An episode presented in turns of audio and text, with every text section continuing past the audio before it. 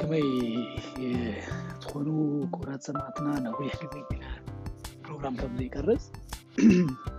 ብዝተፈላለዩ ሞናታት ፕሮግራም ክሰራሕ ይካልኩም ይቅርታ ክሓትት ይደሊ ብኡ መጀመርያ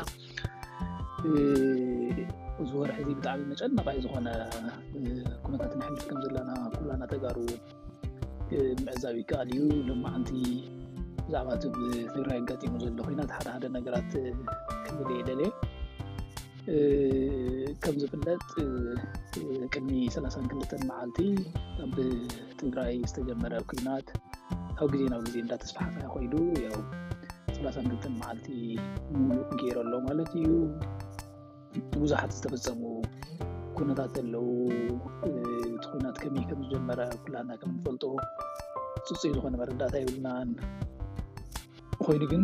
ድሕሪቲ ምጅማር ኮይናት ድማ ዝሰዓቡ ማሕበራዊ ኢኮኖሚያዊ ፖለቲካዊ ቁልላዋት ግን ያው ብኣግባቡ ንረድኦም ኣለና ኢለ ተስፋ ዝገብር ያው ብዙሓት ፀገማት የጋጥሙ ኣለዉ ማለት እዩ ስለዚ ሎም ዓንቲ ትኩረት ክገብረሉ ዝደለኩ ሓደ ነጥብ እንተሃለዉ እንታ እዩ ነቲ ኩናት ከመይ ኢና ንዕዘቦ ዘለና ከመይ ኢና ንርድኦ ብኡ ልክዕስ እንታይ ዓይነት መፍትሒታት ኢና ክነቕምጥ ንኽእል ወይ እንታይ ዓይነት ነገራት ኢና ክንገብር ንኽእል ዝብል እየ ከልዕ ዘደልይ ማለት እዩ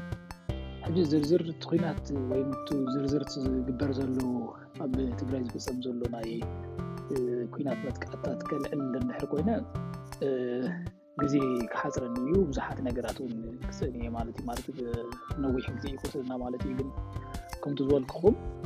ትኩረት ክገብረሎም ዝደለኹ ነገራት ሓደ እቲ ኩናት እንታይ ዓይነት ማሕበረ ኢኮኖሚያዊ ፖለቲካዊ ሳዕቤናት ወይም ቀውስታት ኢልና ክንገልፆም ንኽእል የኸትል ኣሎ ነቶም ቀውስታት እሳቶም ንምክልካል ከ እንታይ ክንገብር ንኽእል ብምንታይ መልክዑ ኢና ንና ንዝምልከቶም ኣካላት ክነፍልጥ ንኽእል ዝብል ዝብል እየ ከነለልየ ማለት እዩ ስለዚ ብመጀመርያ ደረጃ ኩላና ንዕዘቦ ከም ዘለና ያው ወለድና ቤተሰብና ሓትና ኣብ ትግራይ ዘለው ካብ ትግራይ ወፃእ እውን ኮይኖም ብዛዕባት ኩነታት ዝተፈላለዩ መረዳእታት ይሕብሩና ከም ዘለዉ ይርዳእኒ ናይቲ ኩናት ባህሪ እንታይ እዩ ዝሩ ሕጂ ባህሪኡ ክብል ከለኹ መልዓሊኡ ነዊሕ ከይደ ንድሕሪ ተመሊሰ ግዜ ክወስደልኩም ኣይደልን ግን እንታይ ዓይነት ባህርያት የርእየና ኣሎ እንታይ ዓይነት ባህርያት እዮም ዘለዉ ድሕረት ኩናት ተኸቲሎም ስዒቦም ዘለዉ ብያው ኢትኒክ ክለዚንግ ኢሎም ሓደ ሓደ እዮም ወይ ድማ ዘርኢ ናይ ምፅናት ዝብልዎ ኣብ ሰብኣውነት ዝፍፀሙ ወንጀላት ተባሂሎም ወይም ክራይምስ ኤገንስት ሂማኒቲ ተባሂሎም ዝፅውዑ ወንጀላት ከምኡ እውን ናይ ኩናት ወንጀላት ኣብ ኩናት ዝፍፀሙ ወንጀላት ተባሂሎም ዝጥቀሱ ብቻ ብጣዕሚ ዓበይቲ ካብቶም ቅድሚ ሕጂ ኣብ ኢትዮጵያ ተፈፂሞም ኢድና ንሪኦም ዝነበርና ናይ ሰብኣዊ መሰላት ጥሕሰታት ብዝበለፀ ሕጂ እክቦም ዝኾነ ማሕበረሰብ ዝፍፀሙ ወንጀላት ኢቨን ካብ ሕወሓት ወፃኢ ዘለዉ ናይ ሓደ ሓደ ናይ ዓረና ኣመራርሓ እውን ክትሓቶም ከለካ ኣይ ትሕዚ ዝግበር ዘሎ ነገራት ብጣዕሚ መስለ ኣዩ ኣብ ዘርኢ ምፅናት ወይም ብትክክለኛ ናይ እንግሊዝኛ ቋንቋ ቃሉ ጀኖሳይድ ኢልና ንፅውዖ እሱ ክፍፀም ዝኽእል ዓይነት ነገራት እውን ምድላዋት ንርኢ ኢና ይሸተና እዩ ዝብል ያው ፍርፍርሕ ትብዕ ከይበሉ ብደንቢ ዝዛረብሉ ግዜ ኢና ፅና ዘለና ስለዚ ነቱ ዝፍፀም ዘሎ ወንጀላት ነቲ ዝፍፀም ዘሎ ወንጀላት ብኣግባቡ ምርኣይ ብኣግባቡ ምዕዛብ የድልየና ማለት እዩ ነቶም ወንጀላት ብኣግባቡ ንምዕዛብ ብዋናነት መረዳእታ የድሊ ኩላና ከም ንርድኦ ማለት እዩ መረዳእታ ንምርካብ ድማ ብጣዕሚ ፈታኒ ካብ ዝኮነሎም ኩነታት ኢና ቅንያት እዚ ሰለስተ ማን ሰለስተ ሰሙን ኣርባዕተ ሰሙን ኣከባቢ ኦልሞስት ናብ ናብ ሓሙሽተ ኖ ናብ ሰላሳን ክልተን መዓልታት ኣካባቢ ኮይኑና ኣሎ ማለት እዩ ልክዕ ኩናት ክጅመር ከሎ ኢንተርኔት ጠፊኡ ስልኪ ጠፊኡ ያው ካልኦት ማሕበረ ኢኮኖሚያዊነት ማሕበረሰብ ብቐጥታ ኣገልግሎት ዝህቡ ኣገልግሎታት እውን ናብ ትግራይ ጠፊኦም ኣለዉ ማለት እዩ ስለዚ ነቲ ኩናት ክን ንዝን ከለና ነዚ ኩናት እዚ ክንግምግም ከለና ክልተ ዓይነት ባህርያት እዮም ዘለዎ እቲ ኩናት ብመጀመርያ ደረጃ እቲ ዝረአ ብደገ ንሪኦ ዘለና ወይ ኩሉ ሰብ ክብሎ ዝኽእል ውግእ ተባሂሉ ክፅዋዕ ዝኽእል ወይ ዓብዪ ውግእ ተባሂሉ ክፅዋዕ ዝኽእል ዝተፈላለዩ ሓይልታት ዝሳተፍዎ ዘለዉ ብዋናነት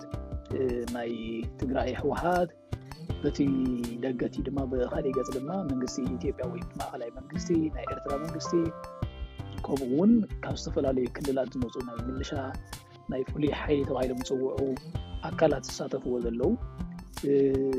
ብዋናነት ሓያል ውግኣት ይግበሩ ከም ዘለው ብቀሊሉ ምዕዛብ ይከኣል ማለት እዩ ሕጂ ምስ ውግእ ተታሒዞም ዝመፁ ናይ ባዕሉ ዝኾኑ ሰብኣዊ ዕንወታት ኣለዉ። ውግእ ክበሃል ከሎ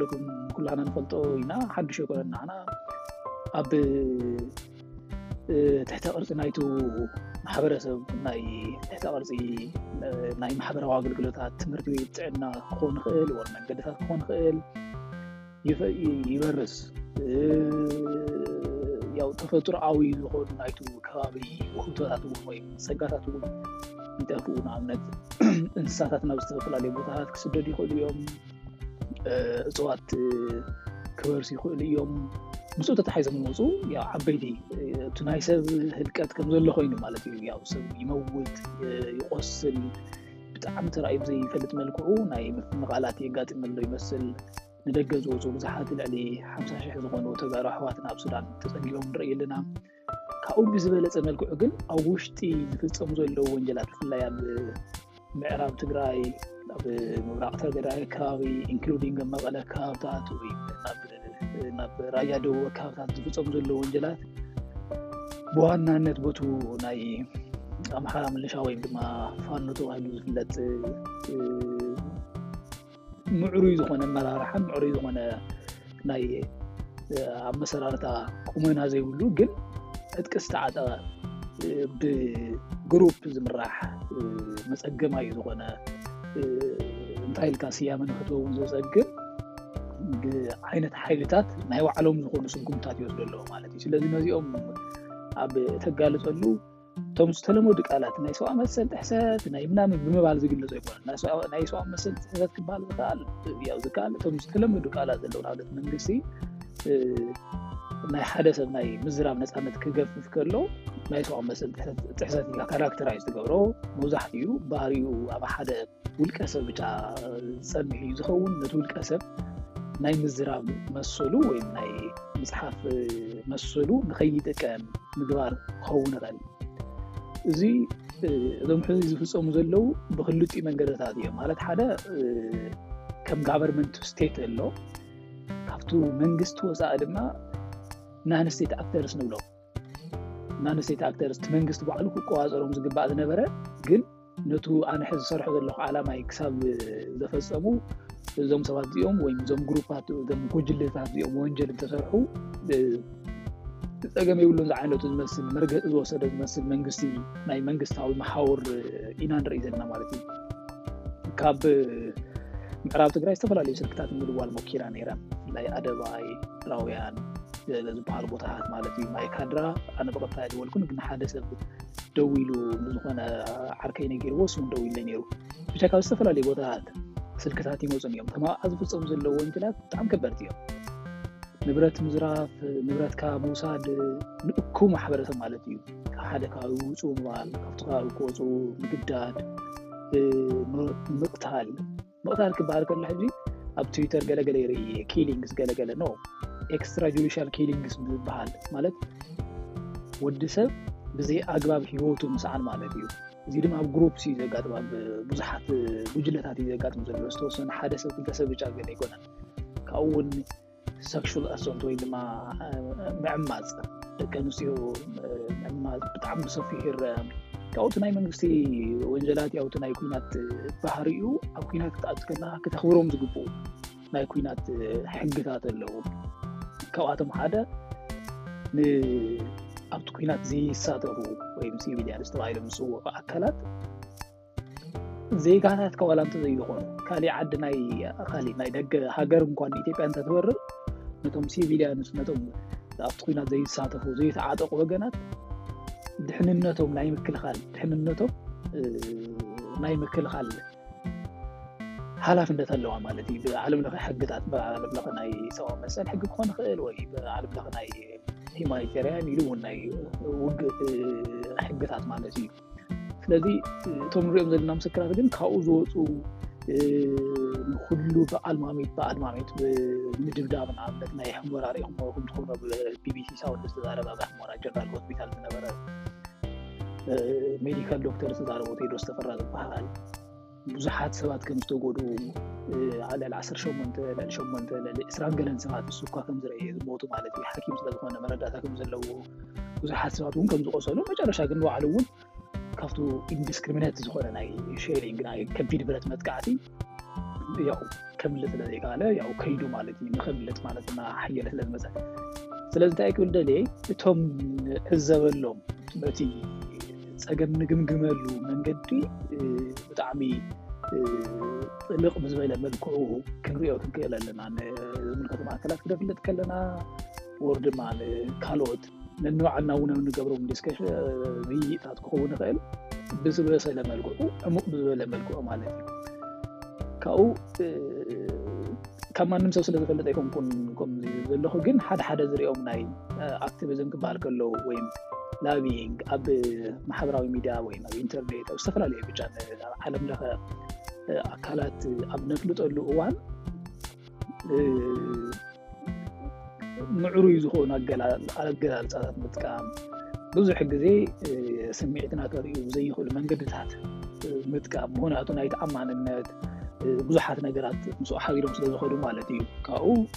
እቶም ንጥቀመሎም ቪድዮታት ኮነ ምስልታት ዳክተር ዝኾኑ ብቐሊሉ ክፍለጡ ዝኽእሉ ምጥቃም ፅቡቅ ኣይኮነን ኦፍኮርስ ዝኮነ ይኹን ዳክተር ብዝኮነ ወይ ማለት ብቀሊሉ ክፍለጥ ዝኽእል ብቻ ከይኮነስ ትክክለኛ ዘይኮነ ፎቶ ምጥቃም ወይም ቪድዮ ምጥቃም ያው ተጨባጥነት ዘይብሉ መረዳእታ ኢና ነመሓላልፍ ዘለና ካብኡ ነቶም ካልኦት እውን ተጨባጥነት ዘለዎም ክንስምዐሎም ንደሊ እና ንሓሶም ነገራት ክህልው ከለው ዝፃባእ እዩ ዝኸውን ከምኡ ዓይነት ነገራት ድሕር ንካፍል ኮይና ወይ ድሕር ንልጥፍ ኮይና ዋቴበር ማለት እዩ ስለዚ ስሱ ጥንቃቐ ምግባር የድሊ ከም ኢለ ከም ዝዛረቦ ይፈለጠ ማ ይዘወ ምክንያቱ ናይቲ ኩናት መሰረታዊ ኣብ ውሽጢ ዝፍፀሙ ዘለዉ ቶም በደላት ሕሙቅ ዝበሉ ስለዝኾኑ ማለት እዩ ብጣዕሚ ዓበይቲ እዮም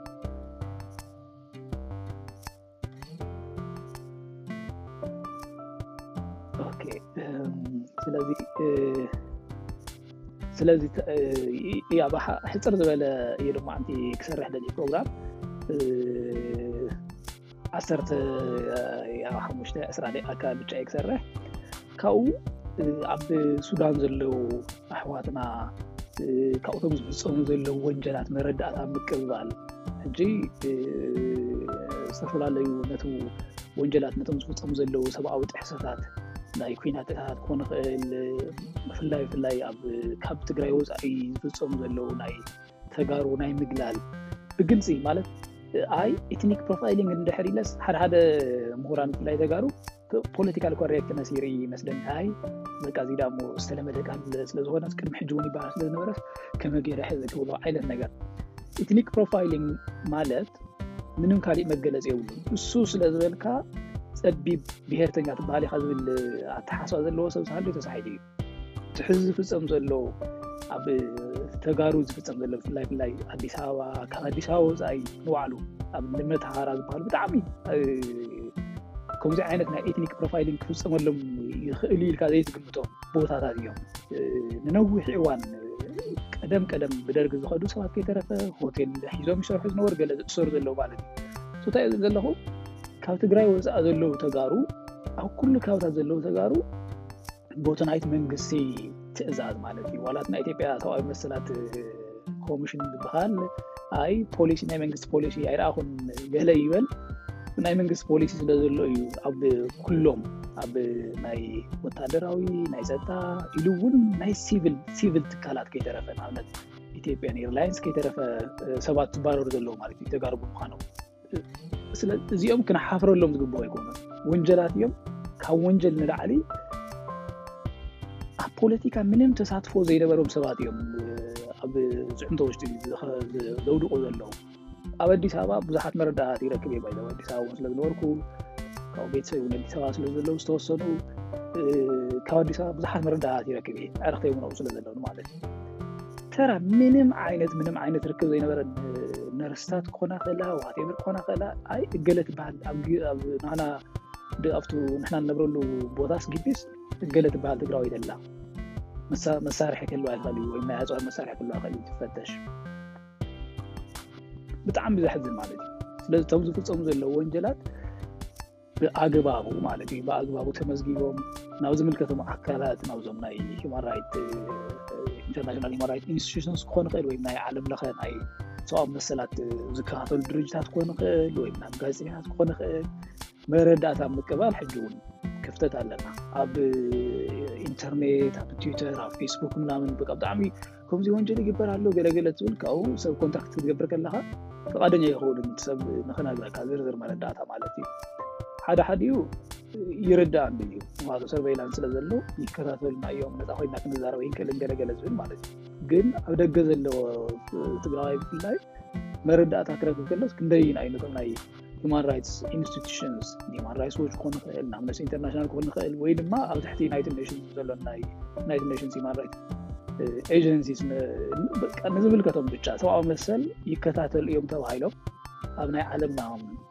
ናይ ዓለም ለኸ ሕጊ ናይ ሰብኣዊ መሰል ጥሕሰት ከጋጥም ከሎስ ፅዕንቶ ክፈጥሩ ይኽእሉ እዮም ተባሂሎም ትፅቢት ዝግበረሎም ትካላት መረዳእታ ክንደይና ኢና ሓቀኛ ዝኾነ መረዳእታ ክንደይና ኢና ንዎም ብዙሓት ፀገማት ኣለዉ ምስ ማይ ካድራ ተታሓሒዙ ሓደ ነገር ገለ